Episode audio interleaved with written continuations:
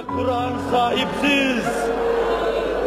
Ve Kur'an yetim. Bugün birilerine bayram, yarın başkalarına bayram. İyi günler diyeceksiniz. Meğer tatlı günler o günlermiş diyecek. Allah'ın inayeti sizinle beraber olsun.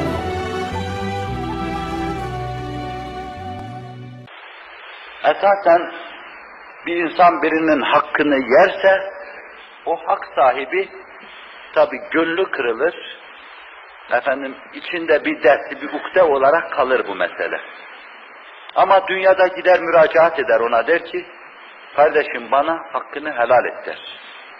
Bir kötülük yapmıştı ona, ya bir hakkını yemişti veya gıybetini yapmıştı veya çekiştirmişti arkadan. Böyle demekle esasen onun gönlündeki o kırıklığı tamir etmiş olur. Bir yönüyle de yaptığı o günah cinsinden bir cezaya kendi kendini çarptırmış olur.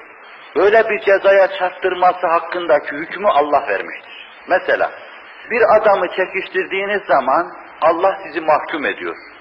Gidip diyeceksin ki arkadaş hakkını bana helal et zira seni çekiştirdim. Allah seni böyle bir hükümle mahkum etmiş. Sen bu mahkumiyet cezanı burada çekince Allah Celle Celaluhu mahkeme-i kübrada seni istintaka tabi tutmuyor artık. Bir yönüyle de sen esasen bir cezaya çarptırılmış oluyorsun, o adamı çekiştiriyorsun, bir iş nefsinin hoşuna gidiyor. Fakat hazmı nefs ederek, onurunu ayak altına alarak kalkıyor, onun yanına gidiyorsun. Bir yönüyle de o adamın gönlünde yıktığın şeyi tamir etmiş oluyorsun. Artık öbür alemde o karşına çıkmıyor senin. Bunun gibi başkalarının bize geçen hakları karşısında da aynı hassasiyeti ishar ettiğimiz zaman o adama karşı vazifemizi ödemiş oluyoruz. Mesela bir adama gidip diyoruz ki senin beş liranı yedik biz, hakkını helal et. Beş liramı ver diyor, hakkımı helal edeyim. Sen aldığın parayı veriyorsun, o da hakkını helal ediyor.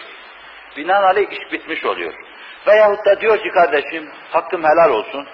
Ben zaten öyle bir şey hiç kale almam, ehemmiyet vermem diyor. Zaman, mekan, her şey Allah da buna şahit. Mahkeme-i Kübra'da kalksa yeniden dese ki, Ya Rabbi benim bunda beş lira alacağım var. Allah Celle Celaluhu diyecektir ki ona, kulum benim şehadetim altında, senin uzuvların da şehadeti altında, sen ona hakkını helal etmiştin. Bugün alamazsın onu. Etmeseydin orada o adam verecekti. Sana helal ettirecekti onu.